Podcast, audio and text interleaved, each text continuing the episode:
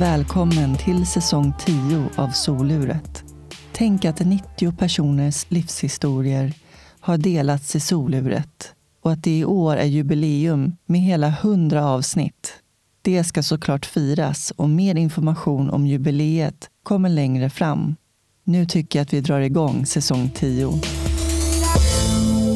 Jag som driver Soluret heter Jasmine Nilsson och jag är nyfiken på vad som formar oss till de vi är.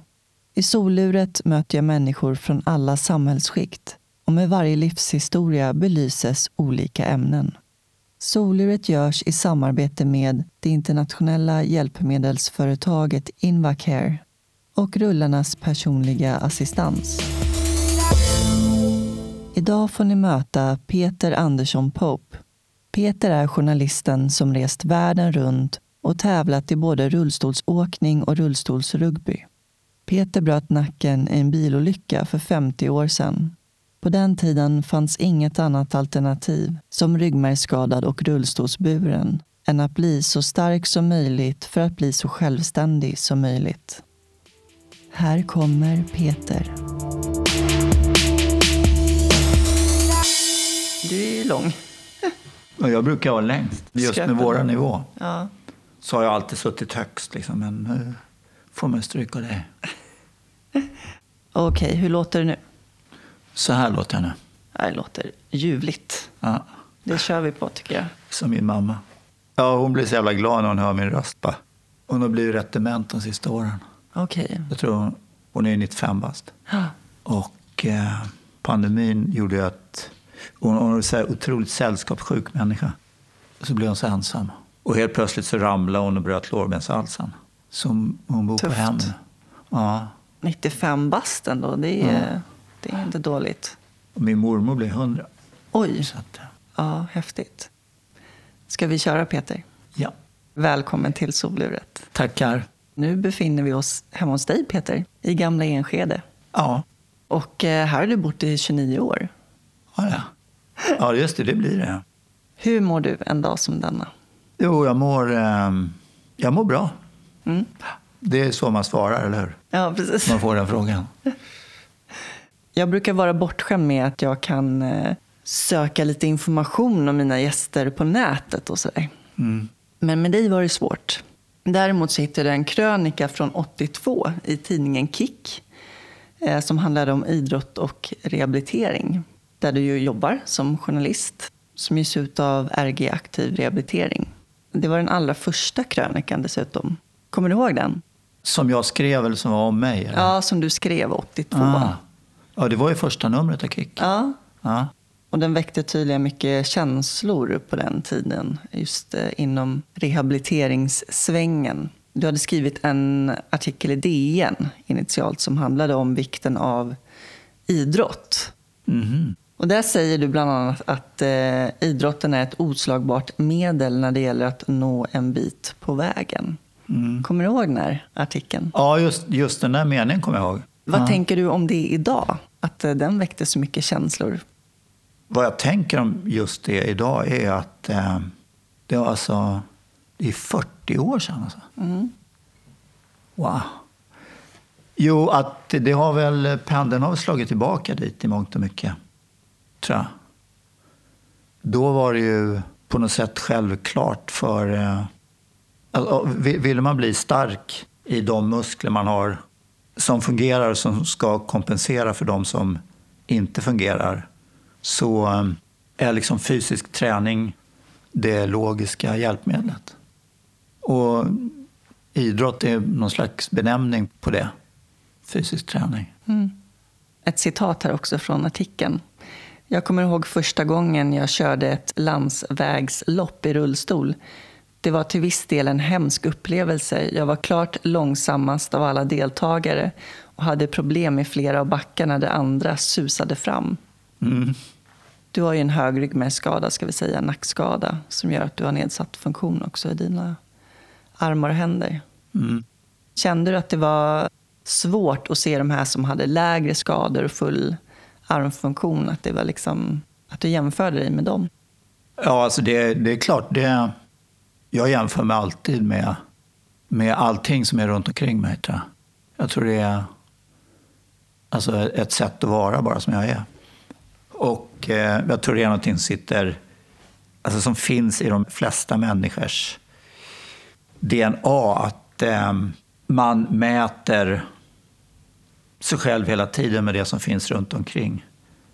Ta någon form av... Eh, för att man ska veta om man är i säkerhet eller inte. Liksom. Det är någon så här savannen som är kvar sedan savannetiden. Överlevnadsinstinkten. Ja, precis. Jag tycker inte det var svårt att, att se dem susa förbi mig. Liksom, eller att hamna jättelångt efter. Liksom, att de bara försvann i horisonten. Jag, jag tycker inte att det var svårt på något sätt. Utan jag blev bara fascinerad av att de är... Eller det är klart att jag skulle vilja vara lika snabb och lika stark i armarna. Och dels för att rulla fort och så, men allra mest för vad det, vad det innebär för ens vardagliga liv. Liksom. Att allting går så otroligt mycket fortare. Du säger också att men ur bitterhet kommer inget positivt och konstruktivt som kan hjälpa en person att förändra sina villkor. Det tyckte jag var bra sagt. Men jag tänker att vi, vi tar det från början, Peter. Du föddes den 6 oktober 1953. Ja. Vart kommer du ifrån? Linköping. Okej. Vad föddes du in i för familj? Jag hade en stora syster. Två år äldre än mig. Mamma och pappa. Vad gjorde de? De jobbade i en affär, båda två. Eller det var, det var där de träffades. Båda mina föräldrar kommer från väldigt här, enkla förhållanden. Och eh, sen gjorde de en klassresa. Och som blev en viktig del i deras liv, tror jag, jätteviktig del i deras liv. Båda två kom liksom från fattiga arbetar och knappt arbetarklassförhållanden. Liksom. Mm. På den tiden i Sverige så var ju det inte ovanligt. Alltså. Utan eh, Sverige blev ju rikt och så. Det innebar ju att människor blev det också. Liksom. Och fick möjligheter. Skapades möjligheter för individen också. Liksom, att följa med framgångsvågen. Hur såg din uppväxt ut? Det var väl... Eh, mina föräldrar jobbade jättemycket. Och vi hade, jag och min stora syster, vi hade under en viss period så hade vi eh, barn. Jag tror det hette barnflickor eller något sånt där. Olika tanter. Tant Birte från Danmark och... För mamma och pappa började jobba vid fem på morgonen sådär. så kom det någon tant till oss på morgonen, till mig och syrran på morgonen. Ibland kom mamma hem vid, vid sju så där och gav oss frukost och så. Och sen fanns det något som hette lekskola på den tiden som jag gick till. Kommer jag ihåg. Då bodde vi i Örebro. De startade e- ett eget företag där. Vilket gjorde att de eh, liksom började arbeta något sådär brutalt mycket. Alltså. Okej. Okay. Vad innebar det för dig? Ja, det innebar väl att man tyckte att det var helt fantastiskt när de var lediga och hade tid för oss. Liksom.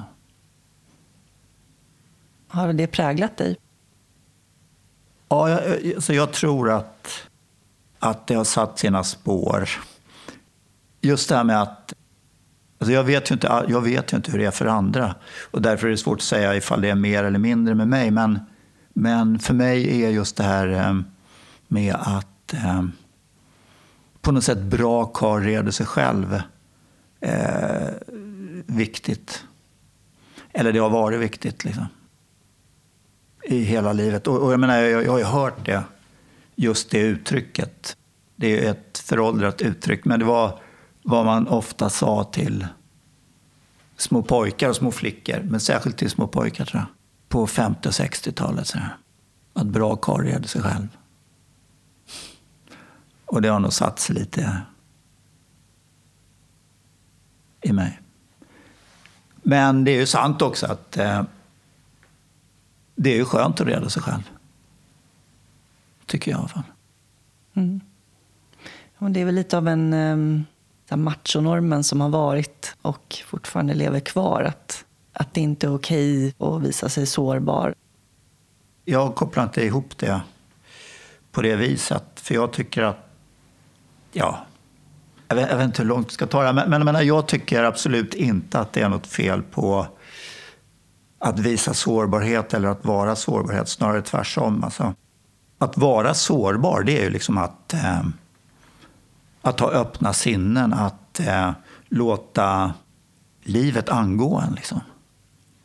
Att stänga ute sin sårbarhet det är att stänga av sin känslighet. Mm. Och stänger man av känsligheten så, så uppfattar man inte livet till fullo. Liksom. Vad du kan minnas, känner du att du alltid har haft tillgång till det? Att kunna känna det, sårbarhet? Um, vilka jävla svåra frågor du ställer. Men, men uh, jag tror att det har utvecklats mycket med åren. Jag kan säga så här att när man var yngre, då sökte man mycket mer. Sprang kring och, och letade efter uh, saker och ting därför att jag inte lät det komma till mig. Liksom. Om man är sårbar, då låter man världen komma till sig på något sätt. Va? Man eh, ger sig inte ut och söker eh, efter något som man kanske inte ens vet vad det är. Liksom. Mm. Hur var du som barn? Det känns ju otroligt avlägset. Alltså, så det, är, det är jättesvårt att säga hur man var. Eller, jag tycker det är väldigt svårt att svara på frågan hur var du eller hur är du? Därför att det måste ju ställas emot någonting liksom, för att man ska kunna uttrycka hur det var eller hur det är. Och de enda som kan göra det är ju andra än jag. Hur man är att, i förhållande till sin omgivning, så att säga. Ja, precis. Jag tror att eh, min omgivning uppfattar nog mig som en, eh, en liten glad kille. Liksom. Vad är ditt första minne? Jag vet inte om det här är, är mitt minne eller om det är... Menar, på något sätt så kommer jag ihåg det i alla fall. Alltså gatan som jag bodde på. Jag föddes inte på gatan, men jag menar det huset vi bodde i då. Min mormor och morfar bodde inte alls långt därifrån. Jag kommer ihåg deras. Och de bodde liksom i ett riktigt gammalt kråkslott högst upp i en eh, lägenhet med en skitläskig trappa upp som var mörk. Och sen hade de dass på gården. Så låg det en, eh, en affär där det var en sån här eh, skylt som det stod mjölk på. Och det var en mjölkaffär. Och det, och det fanns mjölkaffärer på den tiden. Alltså. Och där kunde man köpa mjölk och bröd. Det är bland mina första minnen, tror jag. Mm. Vad hade du för drömmar som barn? Ehm, det vet jag inte. Inget så här, vad jag, vad jag ska bli när jag blir stor? Vi hade en sommarstuga utanför Örebro när vi bodde i Örebro. Och, och där var det ju då några familjer som mina föräldrar umgicks med och de hade barn och sådär som jag lekte med och min syrra lekte med.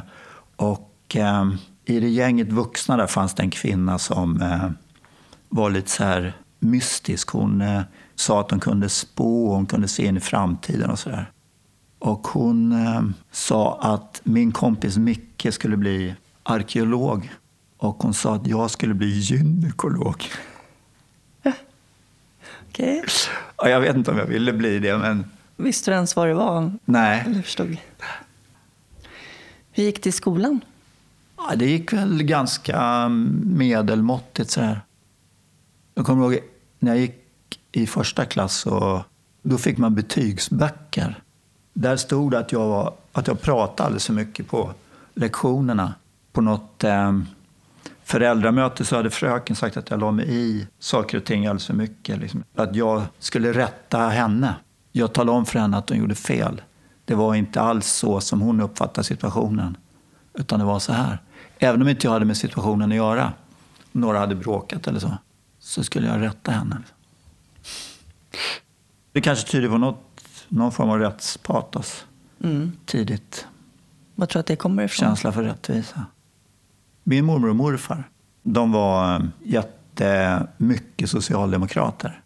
Otroligt mycket. Liksom. Min morfar och mormor gick i första maj-tåg och sådär. Min morfar var, jobbade som eh, målare på SJ. Han hade aldrig något jobb på vintrarna. Och han var diabetiker och så, men han hade en otrolig tro på folkhemmet och socialdemokratin. Och sånt. De hade sån där starkt rättspatos. Alltså. För dem var det tydligt vad som var rätt och fel. Liksom. Så det kan ha varit det, eventuellt. Mm. Och dina föräldrar? Alltså mina föräldrar de har ju... Eh, jag vet inte om de har tänkt så mycket på sådana saker egentligen. Särskilt inte min pappa. Det är möjligt att det har levt kvar lite min mamma. Men, men, men de har nog varit rätt uppfyllda av att försöka och, och vara den här medelklassfamiljen liksom, som, eh, som de förmodligen har vetat innerst inne att de inte är liksom, på något sätt. Va? Men att eh, om man ändå har klättrat lite på stegen så gäller det att, att hålla sig kvar där tror jag. Det var nog så de kände. Tror jag. När flyttade du till eh, Stockholm? Jag började sjuan här tror jag. Okay. Hur var det? Och då kom jag från Göteborg. Mm. Så då var det jättemånga som retade mig för att jag kom från Göteborg. Okay. och eh, nej, men det gick bra. Jag liksom har alltid haft väldigt lätt för att skaffa nya kompisar. Vi har flyttat en del. Mm. Eller vi gjorde det när jag var liten. Och, eh, någon gång så har, man lär, har jag lärt mig att eh, det är väldigt viktigt att ha kamrater. Så därför har jag alltid sett till att skaffa mig det. Tror jag. Det blir lite bökigare när man, är, när man har brutit nacken. Därför att ingen vill vara... Nej, inte därför. Men eh, därför att man blir inkompatibel va, med andra människor. Liksom. Man har så olika... Förutsättningar? Ja. Jag tycker att det är tiden mest som, är, som blir den stora boven. Allting tar för lång tid för mig. Liksom. Mm. Andra människor står inte ut med att se mig göra saker. För att det tar så jävla lång tid. Och när jag lärde mina barn att eh, cykla var det jättekul. När de äntligen liksom kunde hålla balansen själva och, och cykla och sådär. Kunde lära sig att stanna utan att ramla och alla de här sakerna. Men sen är ju det roligt ungefär en vecka för sen hänger man inte med dem längre. Och de tycker att det är roligt att cykla fort och vill inte vänta på, på mig. Liksom. Det tycker jag är en jättevanlig sak. Och, och det är ingenting som jag... Jag menar, jag har ju varit med om det så mycket. Men det är ju väldigt ofta det blir så. Liksom. Och, och vad man kan göra då, det är att ge upp sig själv. Liksom. Och låta andra ta över. Ja, men du var ung när du skadade dig, var 18, 19? Ja, 19. Mm. Vad hände? Det var en, eh, en eh, bilolycka. Jag och min kompis och eh, var hemma hos en, en tredje kompis och tittade på en hockeymatch på tv. Och sen var, det här låter hemskt, men så var våra tjejer med också. Men så var det. Och eh, så skulle vi åka och handla hamburgare. Det var rätt ovanligt med hamburgare på den tiden. Alltså. Det fanns ju ingen McDonalds eller något sånt. Så på vägen hem så eh, var det en hal fläck och så körde vi av vägen ner i ett dike. Och eh, då bröt jag nacken. Hur gick det för dina medpassagerare? Ja, det gick rätt bra. Eller min tjej som satt bredvid mig i baksätet spräckte ögonbrynet. Hur mycket kommer du ihåg av eh, olyckstillfället? Och var det vid medvetande? Eller? Ja, Nej, jag kommer ihåg att, eh, att jag såg att det kom en bil emot oss och att jag kände att vi började... Det började kännas konstigt hur, hur bilen rörde sig på vägen helt plötsligt. Och så såg jag billyktor komma emot oss. Jag trodde att vi skulle fronta med den bilen som kom emot oss. Så då la jag mig över, faktiskt. Jag tryckte ner min tjej i sätet bak och la mig över henne. Men vi missade ju den bilen och snurrade runt på vägen och backade ner i ett dike. Så att när jag låg ner där och bilen åkte ner och det blev stopp i botten på diket så flög jag upp liksom. Och så fick jag en sån här, förmodligen en whiplash då i, i nacken när jag flög upp. Så här. Det var, jag tror femte nackkotan var det bara små bitar av. Mm. Så att då fick jag den här skadan. När vi väl stod där på botten på diket så satt jag upp i baksätet. Och så sa min kompis att nu får, måste vi upp och dra upp bilen på vägen igen. Och så skulle jag göra det också då. Och så gick inte det. Jag kommer det var en väldigt läskig känsla. Liksom.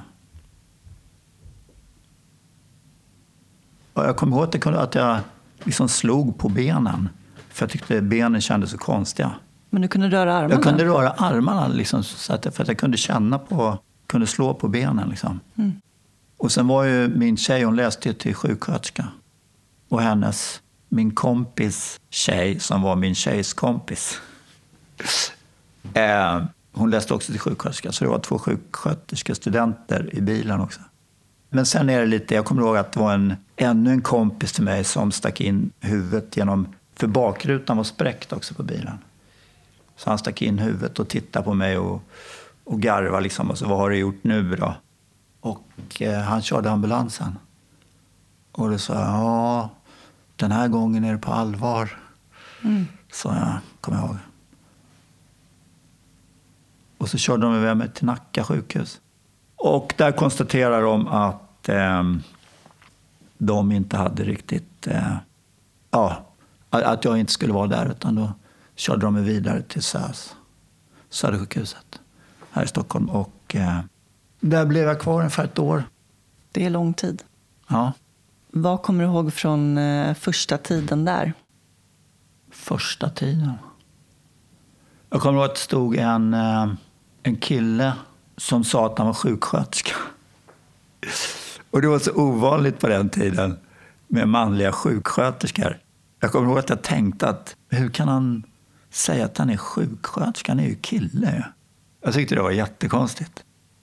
Men det är klart, det är 50 år sedan. Alltså. I alla fall han stod och baddade mina läppar. Jag, jag, för jag ville ha vatten hela tiden, jag ville dricka. Men fick inte det. Och då baddade han mina läppar. Liksom. Jag tyckte, Åh, kan jag inte få ett glas vatten istället? Det kommer jag ihåg. Och sen kom min mamma och pappa dit. De hade varit på fest. Så de kom dit liksom i full festklädsel. De hade tydligen precis kommit hem från den där festen och då hade eh, sjukhuspersonalen fått tag i dem hemma. Så de kom in dit.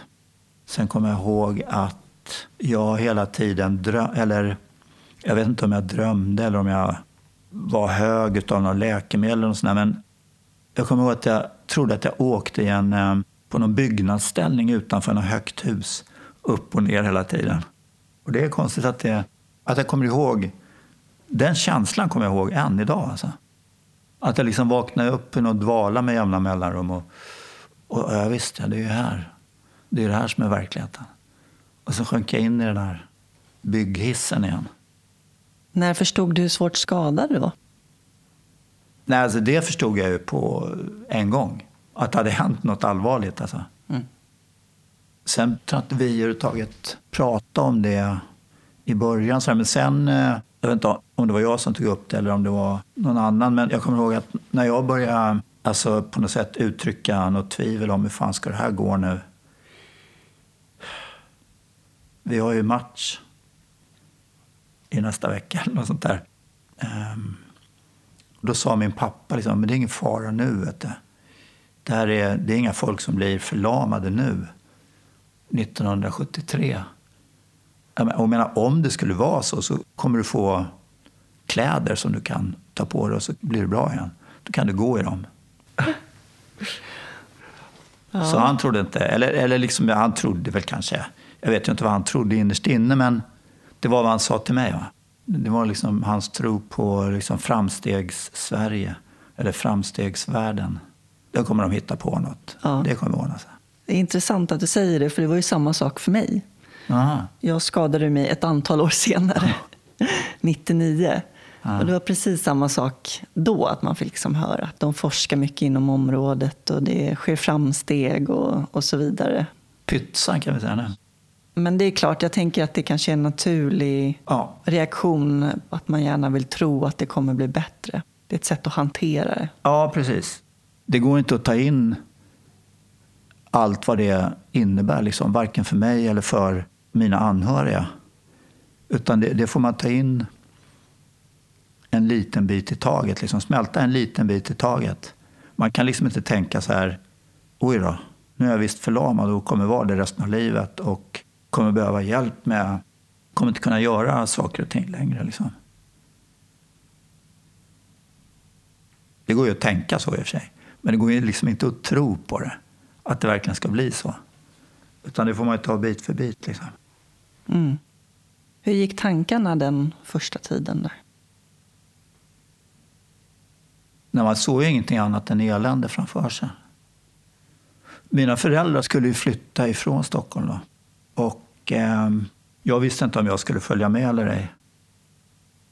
Jag kommer ihåg att jag tänkte mycket på att, att det kanske måste bli så, att jag måste göra det. Och, för de skulle tillbaka till Linköping. Jag vet inte när det var, men det var när jag låg kvar på sjukhuset i alla fall. Så började jag tänka på framtiden liksom. Eh, I rullstol. Jag gick ekonomisk treårig linje på gymnasiet. Jag tog 40 poäng nationalekonomi. Ja. Började läsa statskunskap sen. Jag tänkte att det finns säkert något stort statligt företag som anställer en nationalekonom som sitter i rullstol. Sådär. Efter ett tag på, SÖS, eller på Södersjukhuset så hade ju liksom ryggmärgsskadeavdelning då, eller rehabavdelning. Så det var ju ryggmärgsskadade som kom dit och tränade flera dagar i veckan. Man hade någon form av poliklinisk sjukgymnastik och så, och träning. Så jag träffade ju många som eh, hade suttit några år i rullstol. Och eh, vissa av dem blev jag ju livrädd för. Och, men så var det ett par stycken som jag tyckte på något sätt... De, liksom verkar, de verkar inte vara så mycket konstiga invalider. Utan de verkar vara ganska normala. Liksom. De var ungefär i min ålder och, och det var liksom som vanligt med dem. Och det tyckte jag var helt skönt. Jag, jag trodde inte att, att man någonsin skulle kunna bli normal igen. Liksom. Jag menar inte att... att eh, men alltså för mig, att bli så som jag var innan jag bröt nacken. Att starta om liksom, på samma ställe. Så här. På något sätt så är det ju det man vill. Mm. Just det här med att komma tillbaka till samma plattform, samma ställe som jag var på i livet. Det är dit jag vill tillbaka. Det är det som är meningen med alltihopa det här. Liksom. Och sen monterar sig det sakta neråt till att man förstår att man måste börja om, hitta ett nytt, en ny utgångspunkt liksom för allting. Mm. Vi nämnde här att du eh, krossade femte kotan. Mm. Vad innebär det för dig? Hur ser din funktionsnedsättning ut? Ja, alltså jag, eh, jag har ingen sträckare i armarna. Jag har ingen fingerfunktion och jag kan inte lyfta handleden. Jag kan sträcka den, men inte böja den. Ja, sen är jag ju förlamad då i benen och i bålen. På den tiden fanns det ju ingen personlig assistans. Nej, det fanns något som hette Fokushus. Där kunde man bo och eh, där fanns det personal dygnet runt. Det var liksom hus för folk som behövde hjälp. Det är så märkligt för att min morfar låg på långvården ja, året innan jag skadade mig. Han låg där och dog. Och vi var där och hälsade på honom rätt ofta. Och eh, han var ganska borta. Han hade haft massa hjärnblödningar och så. Och så jag tyckte att det bara var alltså, tungt. Jag vill ha kvar minnet av honom när han var liksom den gubbe som jag älskar jättemycket. Eh, så jag ville inte sitta vid hans säng sådär och titta på honom. Liksom. Jag tyckte det var meningslöst. Och det var liksom lite... Det kändes inte bra mot, gentemot honom. Liksom. Så jag gick runt lite på den här avdelningen, långvården. Och där var det en kille som var i min ålder, som satt i rullstol. Och jag brukar alltid prata lite med honom när vi var där. Och eh, en gång när jag kom dit så var han på så otroligt bra humör. Han var jätteglad sådär. Och då visade det sig att han skulle få flytta till ett sånt här fokushus. Han skulle slippa utifrån för att de flesta som låg där var ju jättegamla. De var ju min ålder. Eller nej, men de var ju, de var ju riktigt... Ja, de mådde ju inte så bra liksom. Men han var ju frisk förutom att han var, hade en ryggmärgsskada. Alltså. Då tänkte jag liksom, stackars jävel alltså. Han ska flytta till ett ställe där det bara bor andra invalider. Och det är han så glad för. Hur mycket... Då har man inte så höga krav. Liksom. Mm. Och då hade ju inte jag en... Ja, jag, menar, jag visste inte vad som väntade mig då. Så jag klarade mig ganska bra sen eh, ändå. Liksom. Bit för bit så började jag erövra saker. Jag kommer ihåg jag blev, eh, jag blev ovän med mamma en kväll. Hon skulle hjälpa mig och, och förflyttade mig över till sängen. Och vi skrek lite åt varandra och så hon gick iväg från mitt rum. Och då tog jag mig i säng själv.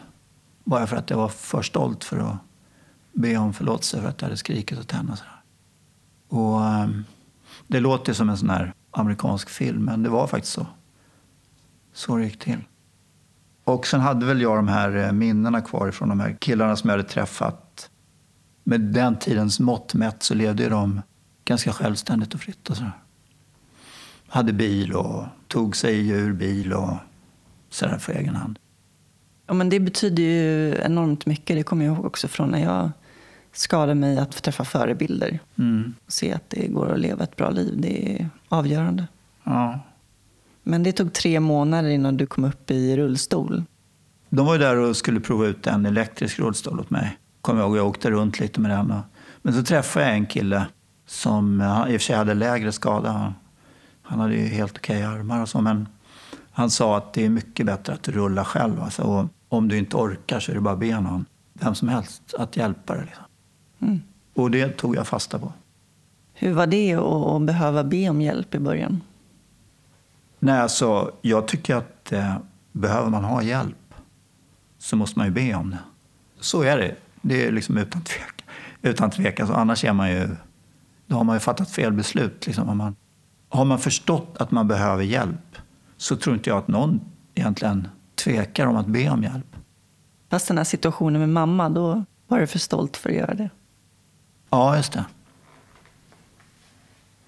Men då, då visste jag i och för sig, om jag hade ramlat så hade hon hört det och kommit springande. Och hon var lika stolt, eller hon var lika stolt själv. Va? Även om det gnagde i henne. Och gå in och titta vad fan jag hade gjort. Hon ville, det brände säkert i henne. Vi har aldrig pratat om det faktiskt. Men det brände säkert i henne att ta reda på om jag satt och sov i rullstolen den natten. Eller så. Ja. Men jag, hade ju, jag ville ju liksom... Jag tänkte ju redan då på kvällen att när hon kommer in imorgon så kommer hon få världens chock. Fick hon det? Ja. Måste varit glad. Absolut. Alltså, jag, jag tycker att det är så viktigt att det är jag som avgör när jag ska ha hjälp. Alltså. Eller att det alltid är den som är i behov av hjälp som måste avgöra när, när behovet uppstår. Den personen som behöver hjälp måste känna att det är dig det hänger på om du ska få någon hjälp. Alltså, alla kan ju inte hålla på och springa fram och tycka att det där ser så jobbigt ut, där du ska hjälpa dig med det. Men så här gör jag varje gång. Och kan inte jag få göra det? Det behöver inte vara ett problem för resten av världen liksom, att, att jag gör det på mitt vis, tycker jag. Man behöver inte liksom försöka leva sig in i hur jobbigt eller hur kul. Eller hur lång tid det tar. Nej, precis. Men det finns ju ett eh, integritet och värde att få göra det själv. Mm. Absolut.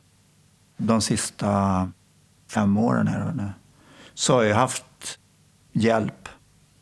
I början, jag, hade, jag opererade mina axlar och efter det så hade jag ju rätt mycket hjälp. Sådär. Och hemtjänst var här hemma hos mig flera gånger om dagen. Och, och då märker man ju liksom hur fort det går att anpassa sig efter det. Liksom.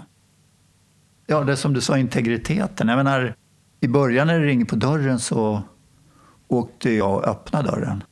Men sen efter ett tag när folk hade vant sig vid att komma hit till mig så ringde de på och så öppnade de dörren och gick in. Liksom. Så då slutade jag åka och öppna dörren. Så om det kom någon annan till mig och ringde på så väntade jag bara på att de skulle komma in. Sådana saker har ju de inte en aning om. De, förstod, de vet ju inte att det händer med mig och säkert med andra i samma situation. Det är så lätt att bara... Men kan inte du ta det på vägen så där, för något som jag lika väl kan göra själv? Alltså. För det värsta som kan hända tror jag, det är när man... Om man bara sitter och människor springer omkring hemma hos en och hjälper en med massa olika saker. Då blir det liksom ingenting över till en själv. Vad ska man göra med all tid då? Jag vill hellre ha det som jag har det nu. Nu är mina dagar fulla av skitsaker förmodligen. Men de, de fyller min dag. Liksom, va? Det tar jättelång tid för mig att laga mat och bara plocka undan efter maten liksom, varenda jävla kväll. Alltså det tar jättelång tid. att gå upp och, och eftersom jag har lite haft eh, problem med sår i baken och så, här, så, måste, så måste jag ligga ner ett par gånger om dagen så här, och avlasta. Och varje förflyttning tar ju jättelång tid nu jämfört med förut. Liksom. Men det får ju vara så. Åtminstone så har jag saker att göra hela tiden. Jag behöver inte sitta och tycka liksom att, att livet är ett helvete. Utan jag sysselsätter mig med, med saker som bara ramlar över en. De små tingen i vardagen. Mm. Nu tar vi en kort paus och ringer upp min samarbetspartner Invacare och pratar med VD Thomas Müller. Hej Jasmin! Hej Thomas! Tja! Hur är läget?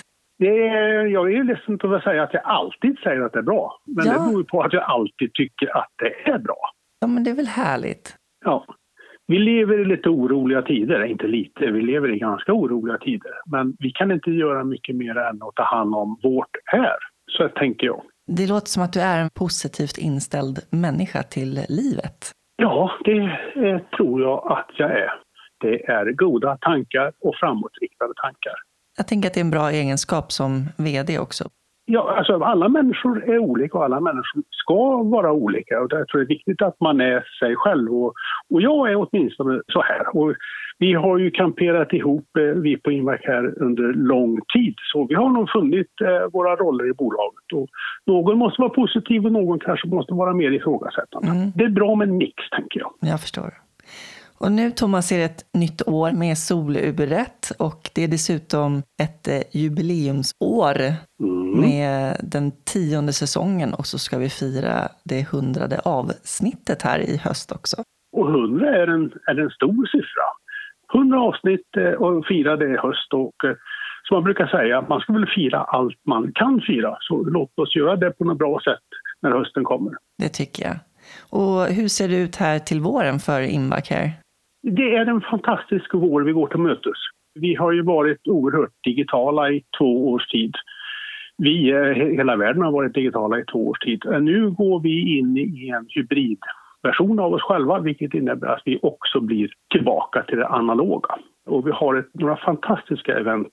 Det kommer en mässa i Finland här, det kommer jultorget men framför allt så kör vi en egen aktivitet som eh, har arbetsnamnet Hitta ditt driv där vi åker land och rike runt här under vårkanten och visar våra drivaggregat, bland annat. Därav namnet Hitta drivet. Och eh, det här är något som eh, jag ser fram emot, men framför allt gör hela vår personal det, att äntligen få komma ut igen. Och sen så kommer det ett par mässor till hösten. Det är både Örebro och Malmö, det är Fokus hjälpmedel. Så eh, vi är tillbaka i de gamla hjulspåren, men vi släpper inte de nya digitala hjulspåren. En fantastisk framtid vi går till mötes. Ja, eller hur? Och jag tycker att det är ett så viktigt ämne också, att hitta ditt driv. Och det handlar ju mycket om det här med psykisk ohälsa som kommer till följd av att man överanstränger sig. Och hur viktigt det är då att eh, ha rätt hjälpmedel för att underlätta vardagen.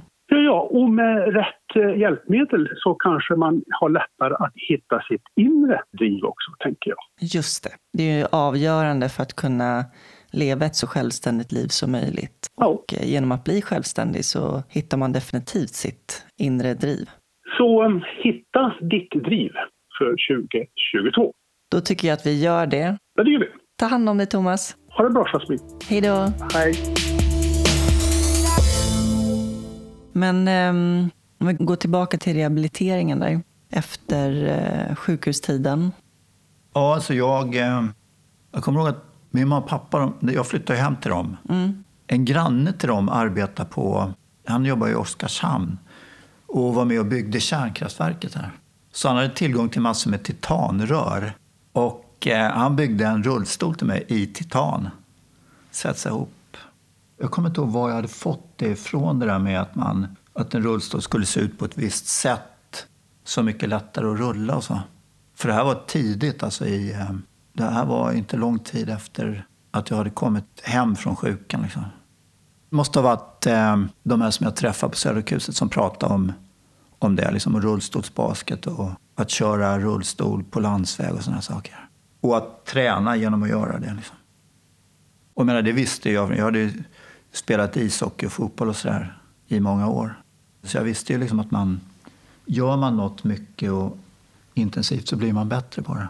Så bara att rulla på vägen utanför huset där min och pappa bodde och dit jag flyttade då och bodde de, de första två åren tror jag efter att jag skadade mig.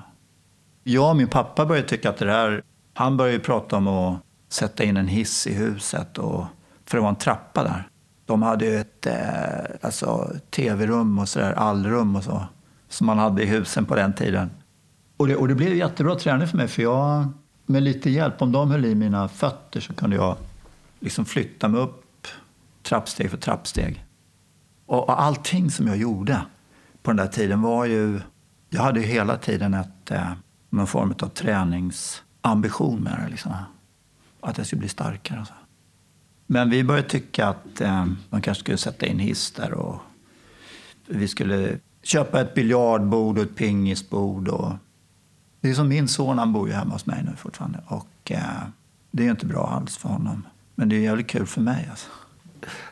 Men jag menar, eh, så, så, kan man ju inte tänka som farsa. Liksom. Det. Och det förstod min mamma. Så hon eh, fixade en lägenhet åt mig in i Linköping. Och sen så tog hon med mig bara en dag så åkte vi dit och tittade. Sa hon att du, jag tycker du ska flytta hit nu. Vad tänkte du om det då? Ja, jag tänkte det är ju ett jättestort steg att ta men klarar jag av det så är det ju på väg mot något annat. Liksom. Och då tvingades du bli helt självständig också?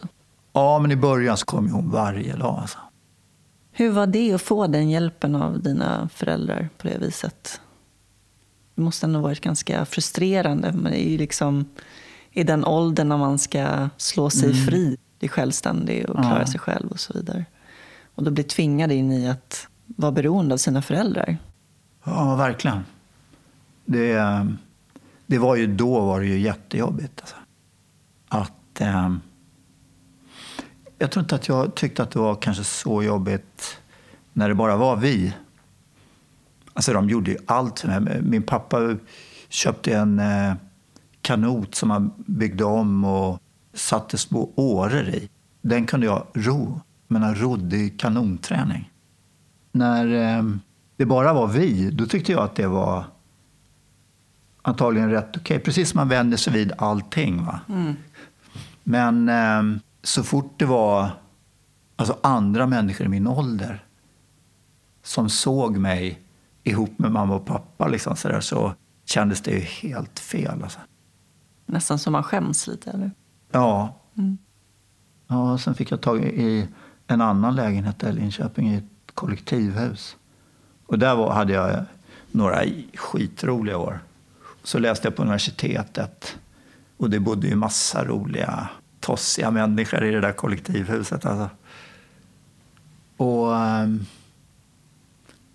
sen bröt jag nacken igen i en ny bilolycka 1977. Jag smällde med polisen i, i Linköping. Så hamnade på sjukhuset i Linköping med en fraktur på fjärde nackkotan, fast den var stabil. Så den eh, skadade aldrig ryggmärgen. Men jag blev liggande då i några månader. Så jag tappade liksom allt det där som jag hade tränat upp. Att jag klarade mig själv och så. Men med polisen, hur gick det till? De hade öppnat en ny eh, korsning på ett ställe i Linköping. Där jag hade åkt alltså, massor med gånger. Jag visste att de skulle öppna den här nya korsningen och så. Men så första gången jag kom dit så närmade jag mig den här korsningen och så kom det bilar ifrån alltså den nyöppnade delen. De stod där. Jag visste att jag åkte på huvudled, att de hade lämnat företräde och så. Och, och så såg jag att det stod en folkabuss, polisfolkabuss som kom från vänster in i korsningen. Och den blinkade åt höger. Låg i högerfil, blinkade åt höger. Kom från vänster in i korsningen. Så att, jag menar, den skulle ju svänga. Jag bara reflekterade över det och fortsatte åka igenom korsningen. Och då åker polisbilen rakt ut i korsningen. Så jag bara dunkar rätt in i sidan på den och välter den. Och eh, så bara kände jag alltså, nu har jag brutit nacken igen. Alltså, det bara brände i nacken, alltså i ryggen. Och då var det med en tjej igen i bilen och eh, jag sa till henne, jag har brutit nacken igen, så jag. Och då såg hon helt skräckslagen ut sådär och så började hon dunka på dörren på sidan där hon satt, eller på passagerarsätet. Då. Så till slut fick hon upp det och så sprang hon in på, för det var alldeles utanför en bensinmack. Sprang hon in på bensinmacken och ringde efter en ambulans. Så kom hon tillbaka in och satte sig i bilen igen. Och så skulle hon stänga dörren om sig. Och då gick det inte att stänga, för bilen var så ihoptryckt. Alltså. Jag fattade inte hur de fick upp dörren. För den var för stor sen när hon skulle stänga den igen. Då gick den några centimeter utanför. Förstår du vad jag menar? Ja, det var förskjutet. Ja, precis. Ja. Så det måste ha varit världens spänning i, runt dörren när hon, men ändå fixar hon att öppna den. Alltså det är jättekonstigt. Men i alla fall, så var det. Så kom det dit en ambulans och eh, de skulle lyfta ut mig. Så då sa jag, nej men det får ni inte göra för jag, jag har brutit nacken. Så ni måste hämta en krage och en läkare. Annars får ni inte röra mig. Har du brutit nacken? Så varför tror du att du har brutit nacken? Jo, det känner jag. Jag har gjort det förut, så jag. Och så, aha. Har du slagit i huvudet? frågade de. Du blöder lite i pannan. Har du slagit i huvudet? Ja, jag dunkade huvudet i rutan också, så jag. För det gjorde jag. Och då såg jag på dem. De tror att jag är dum i huvudet. Så, men kolla i bakluckan på bilen. Där ligger min rullstol. Och de tittade på varandra och trodde inte någonting på vad jag sa. Men till slut så gjorde de det och då såg de den. Och då sa jag, jag kommer sitta kvar här tills ni hämtar en läkare och en krage. Och till slut så åkte de tillbaka och hämtade en läkare och krage. Och lyfte ut mig med den då. Han var skitförbannad på mig för att han hade andra viktigare saker att göra. Vi in till sjukhuset och röntgade nacken. Och så visade det sig att det var en eh, fraktur på C4. Som mycket väl hade kunnat falla isär liksom, på kotan och skadat ryggmärgen. Precis, och då hade du förmodligen varit helt förlamad. Ja, precis. Och den läkaren kom faktiskt och, och bad mig om ursäkt. Sen när jag låg på avdelningen. Där. Det var Ja, stort. Det var stort av honom faktiskt. Mm. Och då hade jag läst på ja, universitetet så jag hade ingen lust att gå tillbaka till mer studier efter att jag hade varit på sjukhuset då. Så ehm, då åkte jag till Arbetsförmedlingen och sökte jobb. Gjorde en sån här, ja, någon form av eh, test, handlagstest eller vad det kallas för. Så fick jag jobb på Arbetsförmedlingen under ett par år. Och sen så arbetade jag på Försäkringskassan några år. Och så genom eh, någon sjukgymnast på sjukhuset i Linköping så fick jag höra talas om rekryteringsgruppen. Och jag kände igen några av namnen där på människor som jag hade träffat på Södersjukhuset då, när jag låg där. Berätta vad rekryteringsgruppen är för någonting. Ja, det var ju en organisation som bildades, till att börja med var det väl för att eh, rekrytera människor med fysiska funktionshinder till eh, idrott, alltså till handi handikappidrott som det heter, som kallas parasport idag. Men undervägs där så kom vi på den smarta lösningen att om man håller på med den här typen av träning så kan man liksom inte undgå att bli starkare och blir man starkare så har man bättre förutsättningar att klara, klara sin vardag i större delar själv. Liksom. Det är ett sätt, det finns många olika sätt, men det är ett sätt att skaffa sig eh, en positivare självbild, eh, mer självförtroende och när man gör det så blir det lättare för en att, eh, att be om hjälp, alltså, helt enkelt. Tror jag. jag kommer, vi, hade ju, trän, vi arbetade då med uppsökande verksamhet på sjukhus och sen anordnade vi stora träningsläger dit vi bjöd in alla de här människorna som vi träffade ute på sjukhusen och så. Och så använde vi olika idrotter för att ha kul och för att träna och bli starkare och så och lära oss mer av varandra och så. Vi hade läger i en bruksort i Östergötland som heter Boxholm. Och det hade vi en skola där. Och... Jag var också där på mitt första Var det? läger. Ja. ja. Du vet backen upp där? ja. Majoriteten klarar inte den själva.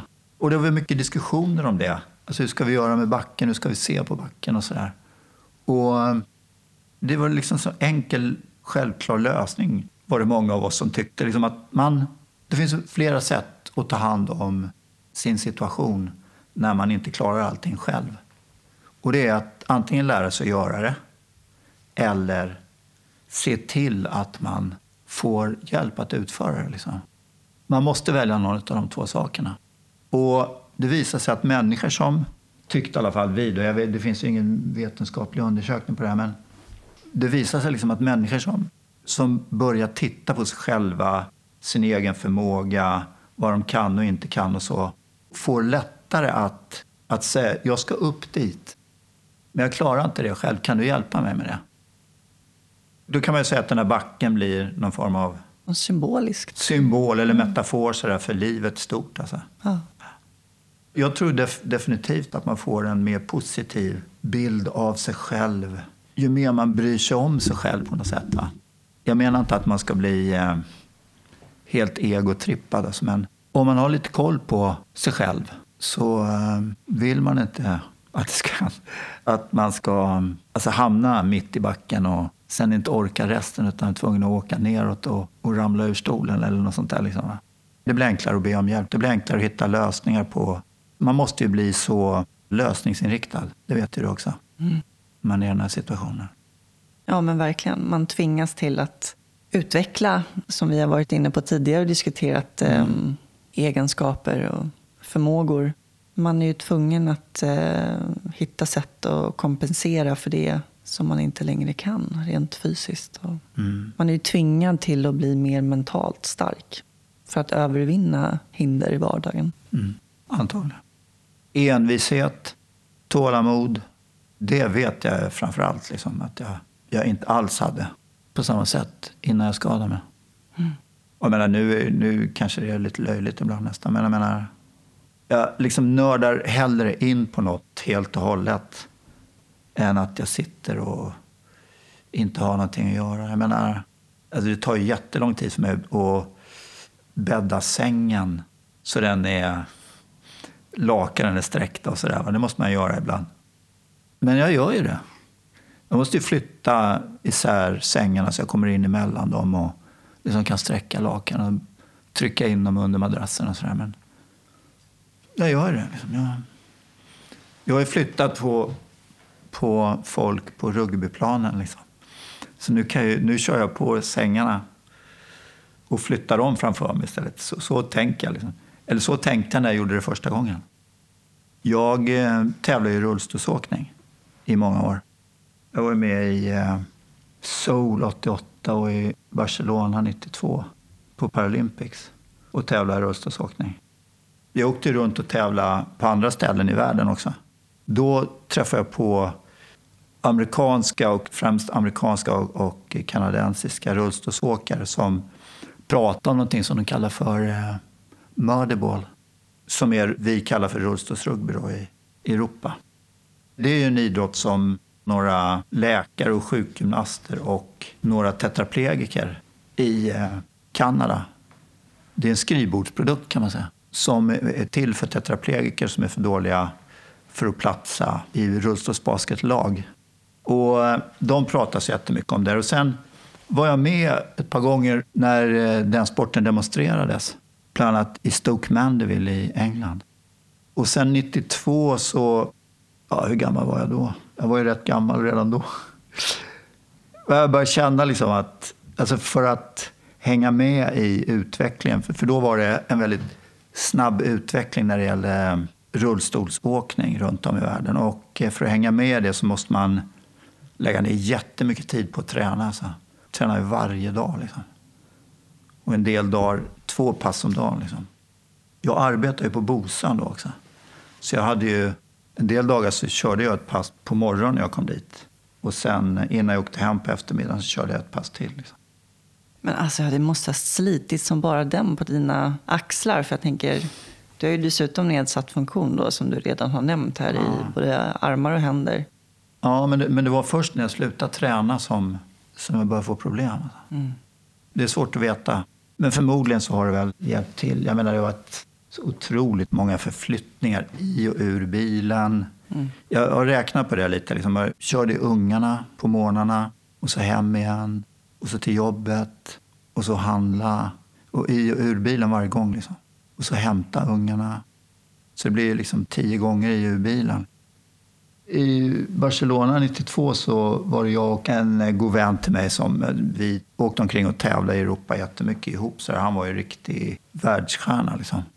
Men då i Barcelona så gick det inget vidare, varken för honom eller för mig. Då, började vi, då kom vi satt och pratade en dag där. Liksom, fan, vi skulle, det är dags att lägga av med det här nu liksom, och börja satsa på jobbet. Och, kan vi inte börja med murderball eller rullstolsrugby hemma i Sverige? Vi drar ihop det. Vi kände massor med tätter hemma. Liksom. Så vi gjorde ju det. Det var han och jag som startade rullstolsrugby i Sverige. Det började med en träningshelg ute på Bosan. Tidigt på vintern 93. Och sen fick ju det en explosionsartad utveckling i Sverige. Inom några år så hade vi en liga och jag tror det var som mest hade vi 12 lag. Fast då var det från Finland, Danmark och Norge också. Vi arrangerade det första Europamästerskapet här i Sverige också. 1995 var det. Och då fick vi stryk av England i finalen. Och sen 98 så vann vi EM. Och sen blev jag farsa och slutade med rugbyn. Började med att vara pappa istället. Hur var det att bli pappa? Ja, det var jätte... Vi hade en eh, lång resa. Jag tror vi hade sju missfall. Och sådär. Usch, det är tufft och, alltså. Två stycken dödfödda fullgångna barn. Liksom. Nej men gud. Mm. Fruktansvärt. Hur hanterar man det? Ja, jag vet inte. Ja, 90-talet var... Vissa delar av 90-talet var riktigt skit alltså. Faktiskt. Vi adopterade till slut. Två jättefina. En kille från Vietnam och en tjej från Kina. Mm. Alltså första gången som en kvinna ifrån vad det nu hette för någonting.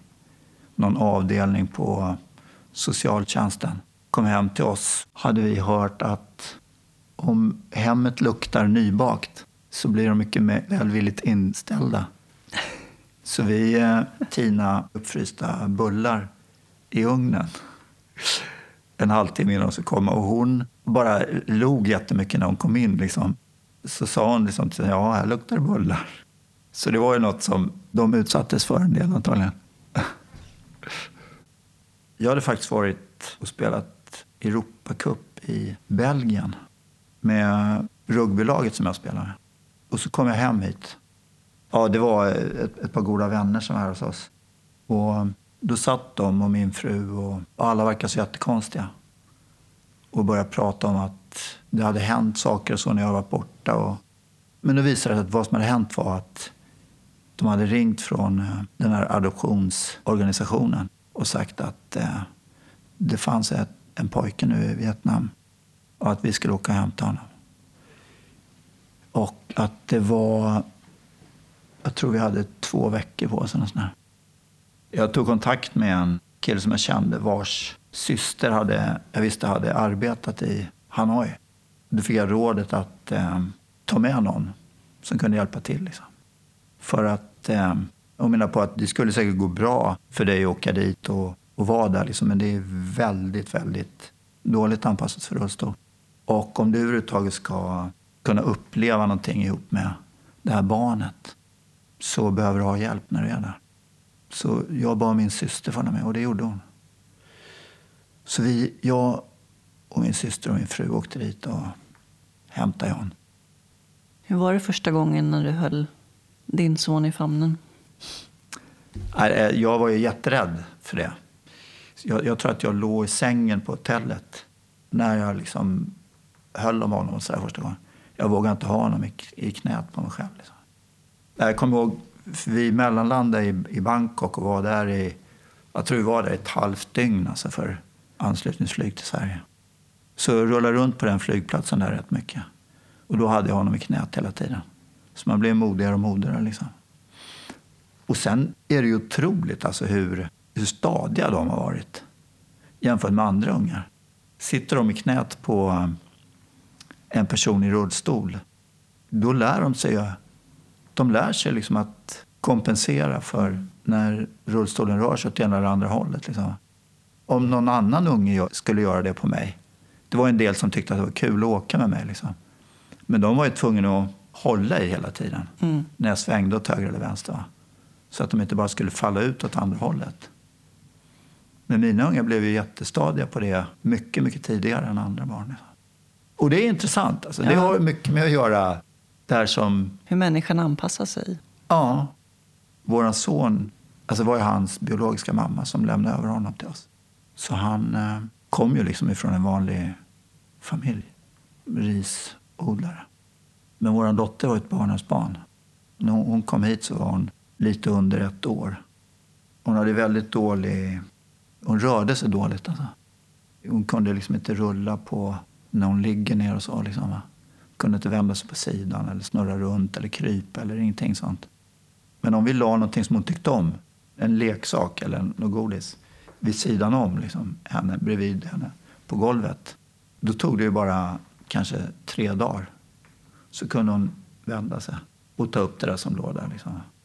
Det är för att hon hade legat i en spjälsäng på ett barnhem nästan hela sitt liv. Mm. Och fått mat på bestämda tider. För någon som hade matat henne. Och så går det ju med, med de som bryter nacken också. Liksom. Om man aldrig behöver göra något så lär man sig aldrig något. Så, alltså vård, det är en svår grej. Alltså. Och det här med hjälp och så. Vad, när blir hjälpen som man tror att man ger och får det som hindrar en från att utvecklas. Liksom. Ja, precis. Ja, det är väl det som är lite... Rehabiliteringstiden nu för tiden är ju blixtsnabb. Alltså, mm. Man är bara på sjukhus i några veckor och sen skickas man till ett rehabiliteringscenter och där är man mycket kortare tid än när jag skadade mig och mm. när du skadade dig. Det är en ny situation man hamnar i helt och hållet. Så man eh, tittar sig runt omkring och ser hur andra har löst det här. Och om alla då har löst det med genom personlig assistans så då, då tar man för givet att det är så jag får göra också. Mm. Det är inte konstigare än så. Och än en gång, därför är det så otroligt viktigt med förebilder mm. som kan visa att man kan göra det på andra sätt också. Och hur var det att bli pappa första gången? Det är hur stort som helst. Alltså det, är, det är nästan samma sak som att bryta nacken. Om man ska prata om stora upplevelser. Alltså det, är, det går inte bara att beskriva så här, hur det är att, med två meningar hur det är att bli pappa första gången. Såklart. Utan det är någonting som man... Alltså det är så mycket bitar i det. Det är så mycket som man upptäcker pö om pö. Liksom.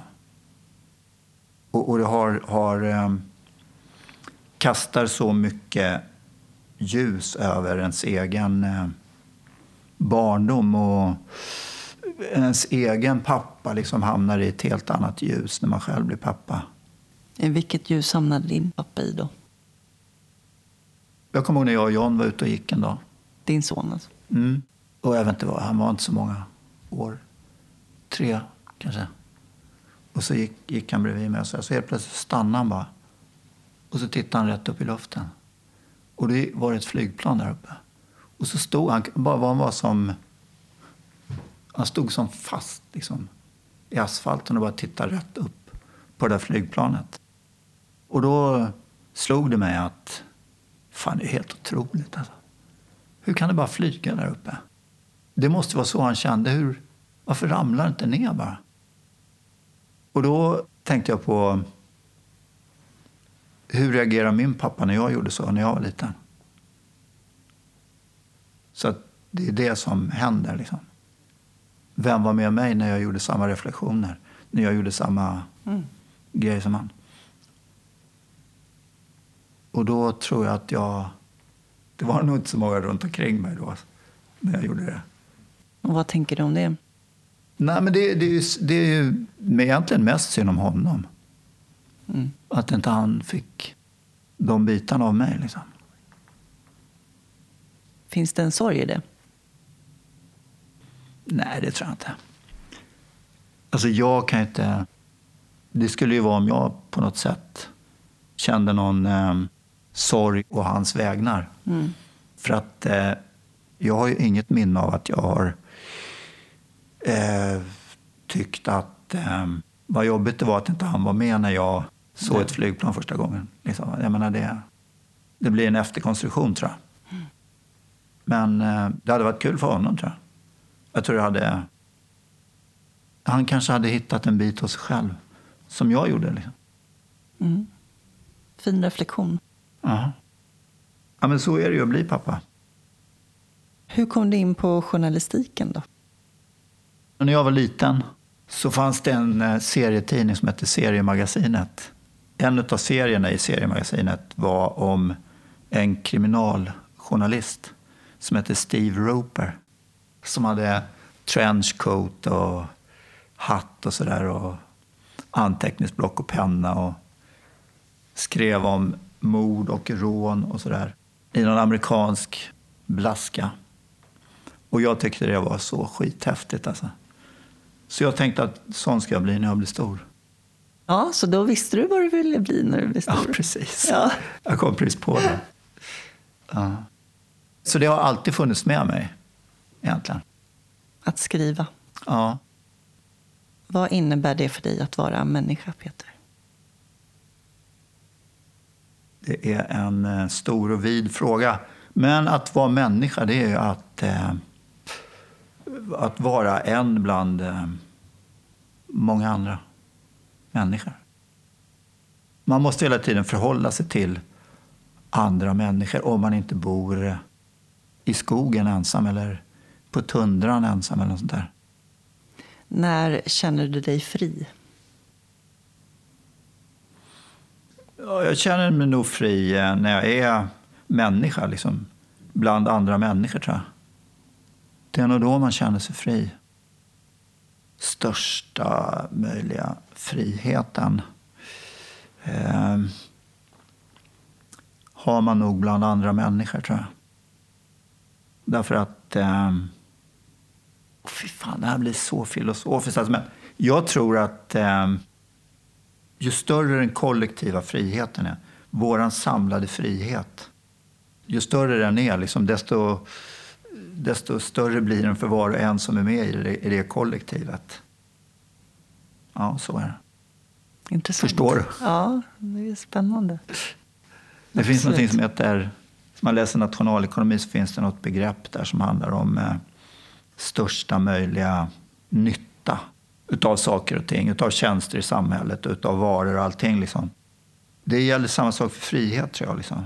Att eh, när man är en fri individ bland andra fria individer så har man störst chans att uppleva största möjliga frihet. Alltså. Vad är en fri individ? Ja, det är en, en eh, som är fri bland andra fria individer. Men, men alltså... Nu för tiden så finns det så mycket, eller just i den här perioden, alltså de sista åren här, liksom, så har det, det liksom växer fram så mycket... Man, man säger att, att vi inte får det fria valet. Liksom. Man måste hela tiden få ha frihet att välja. Få, man måste få göra det man vill. Man får, inte, man får liksom inte stoppas i, eh, i sin strävan efter frihet. Liksom. Och, alltså jag tror att det här fria valet det är egentligen bara en illusion. Alltså det vad är det för snack? Alltså? Det jag menar, säg att din, någon anhörig till dig ringer och säger att de vill ta livet av sig. Det är ditt val. Ja, precis. Ja, visst. Om du känner så, så gör det. För att valfriheten är viktigast. Eller om det är någon som jag vill köra på vänster sida. Ska man vara fri att göra det då? Jag menar, vi måste ju på något sätt... Det är jävligt bra att vi har eh, organiserat trafiken på det viset, att vi kör på varsin sida av vägen. Om vi åker i olika riktningar. Och det ger ju alla största möjliga frihet. Liksom, va? Då måste man ju ta hänsyn till att det finns andra människor. Mm. Och då måste man ju på något sätt göra en överenskommelse med dem. Och kunna lita på att alla håller sig till det. Då tror jag att man är fri. Fri i kollektivet. Ja, precis. Ja, jag fattar. Tror du på ett liv efter detta? inte ett liv eh, där man eh, frågar varandra om vad frihet är och så. Något sånt liv tror jag inte på. Men det är möjligt att delar av... Eh, alltså man vet ju inte vad virus är till exempel. Man vet ju inte vad det består av. Liksom. Och det kanske är gamla lik. Det vet man inte. Precis. Så det kan ju vara någon form av existens. Sen kommer vi till något som vi redan har varit inne på ganska tidigt och det är det här med sårbarhet. Eh, när känner du dig sårbar? Jag tror att det bästa svaret på det, det är så ofta som möjligt. Därför att... Eh, alltså jag kommer ihåg när jag reagerade över sårbarhet första gången. Liksom att jag tyckte det var... Förmodligen inte för att jag aldrig hade upplevt det förut eller märkt det förut, men att jag liksom aldrig hade tänkt på det. Jag tycker det var så otroligt charmigt. Alltså. Eller, ja, om det är charmigt eller... Det verkar vara så... Någon som, jag, som visar en sårbarhet tyckte jag... Den där jäveln har kommit på något. Alltså. Som inte jag har tänkt på tidigare. Det kan vara en sån enkel sak bara som kunna skratta åt sig själv och sina egna misstag och sånt där. Liksom. Självdistans. Ja. Det är mycket enklare också om man visar. Det är på något sätt att visa sig själv, att, att eh, inte bära masker och sådär. Att visa sin sårbarhet. Mm. Det gör ju livet så mycket enklare. Man behöver inte bli så kränkt och så. Utan om det är tillåtet för alla att vara som de är. Liksom. Vad drömmer du om? Jag vet inte om du vet vad ordsnille och ohördel är för något. Beskriv vad det är. Nej, men det är sån här spel på, som man kan hålla på med på telefonen. Nej, men man ska bara komma på ett ord på fem bokstäver. Nej, jag tänkte säga att det är drömmer om och de, jag gör ett på svenska, ett på engelska. Kan man göra dem på ett, då är det ju bara tur. Men om man kan ligga stadigt på två eller tre, men det är ju ingen sån dröm. Jag menar, jag förstår vad du menar när du frågar mig vad jag drömmer om. Nej, det är väl mycket. Alltså att man, eh, jag vill att det ska gå bra för, för mina barn och egentligen alla andra barn också, men mest mina barn. Förhoppningsvis så delar jag det med de flesta föräldrar. Liksom. Då kör vi några lite lättsamma antingen eller-frågor. Mm. Kaffe eller te? Måste man välja? Jag dricker ju båda egentligen. Alltså, men, mm. och jag, jag, jag, dricker bara en kopp kaffe om dagen. Mm. Och både Earl Grey Russian och grönt te och kaffe med varm mjölk. Stad eller landsbygd? Stad. Bok eller film? Alltså, jag, jag tar ju egentligen båda på det också, men eh, jag är tvungen att välja så tar jag nog bok. Kött eller grönsaker? Jag tycker det är svårt att äta det ena utan det andra egentligen. Alltså. Jag vill helst ha dem ihop. Planering eller spontanitet? Ja, det är nog spontanitet i så fall. Alltså. Det tror jag det är nog bättre. Se eller höra? Se. Lyssna eller prata? Med tanke på vad vi har sagt tidigare om att klara sin vardag och sådär så är det helt viktigt för både dig och mig att vi kan prata och liksom eh, se till att vi får den hjälp vi behöver. Så det får nog bli det. Mm. Fast jag tycker det är otroligt viktigt att lyssna också. Alltså. Och inte bara viktigt, utan det är ju ofta en stor glädje att lyssna till andra. Liksom. Speciellt som journalist också är det viktigt. Ja, verkligen. Hur känns det att eh, berätta om ditt liv så här? Det här är ju rätt bra för mig i och för sig, för att jag får eh, känna på vad jag utsätter andra för. Men jag menar, det är, känns så otroligt viktigt att man väljer rätt ord. Liksom. Att man, eh, när man skriver, då kan man sitta och hålla på liksom, med och välja olika ord och så, på ett annat sätt. Det här blir outhärdligt för någon att lyssna. Men, men som tur är så kommer ju du redigera det. Jag vet men, precis vad du menar. Exakt ja. så kände jag inför att börja med digital radio på det här viset. Mm. Just för att det är så definitivt på ett annat sätt. Visst, man kan redigera till viss del, men absolut inte på samma sätt som när man skriver. Nej. Själva skrivprocessen mm. är någonting helt annat. Så jag förstår precis vad du menar. Och det kommer ju på ett annat sätt också när man är i skrivprocessen. Då jag tycker man är mycket längre fram i vart tankegången ska leda liksom, än när man blir intervjuad. Mm. Tack så jättemycket Peter för att du tog dig tiden och delade med dig av ditt liv. Usch. Jag känner mest, vad fan har jag gjort? Suttit och pratat om, ja, vi får se, du gör säkert förhoppningsvis något bra.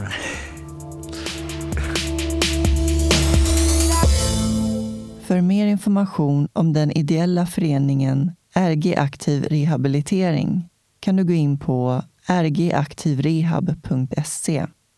Tack till min huvudsamarbetspartner Invacare. För mer information om Invacare och deras hjälpmedelsprodukter kan du gå in på invacare.se. Och tack till Rullarnas personliga assistans. Rullarnas vision är att man ska kunna leva ett så oberoende liv som möjligt trots sin funktionsnedsättning. Mer information finns på rullarnas.se och ni kan följa dem på Instagram. I nästa avsnitt får ni möta Filip Lange. Filip fick en traumatisk start i livet då han under de två första åren utsattes för sexuella övergrepp av en närstående. Endast 16 år gammal startade Filip organisationen Children with Love för att hjälpa andra barn som är utsatta för sexuella övergrepp. Tack så mycket för att ni lyssnade och ta hand om varandra där ute. Puss och kram. Hej då.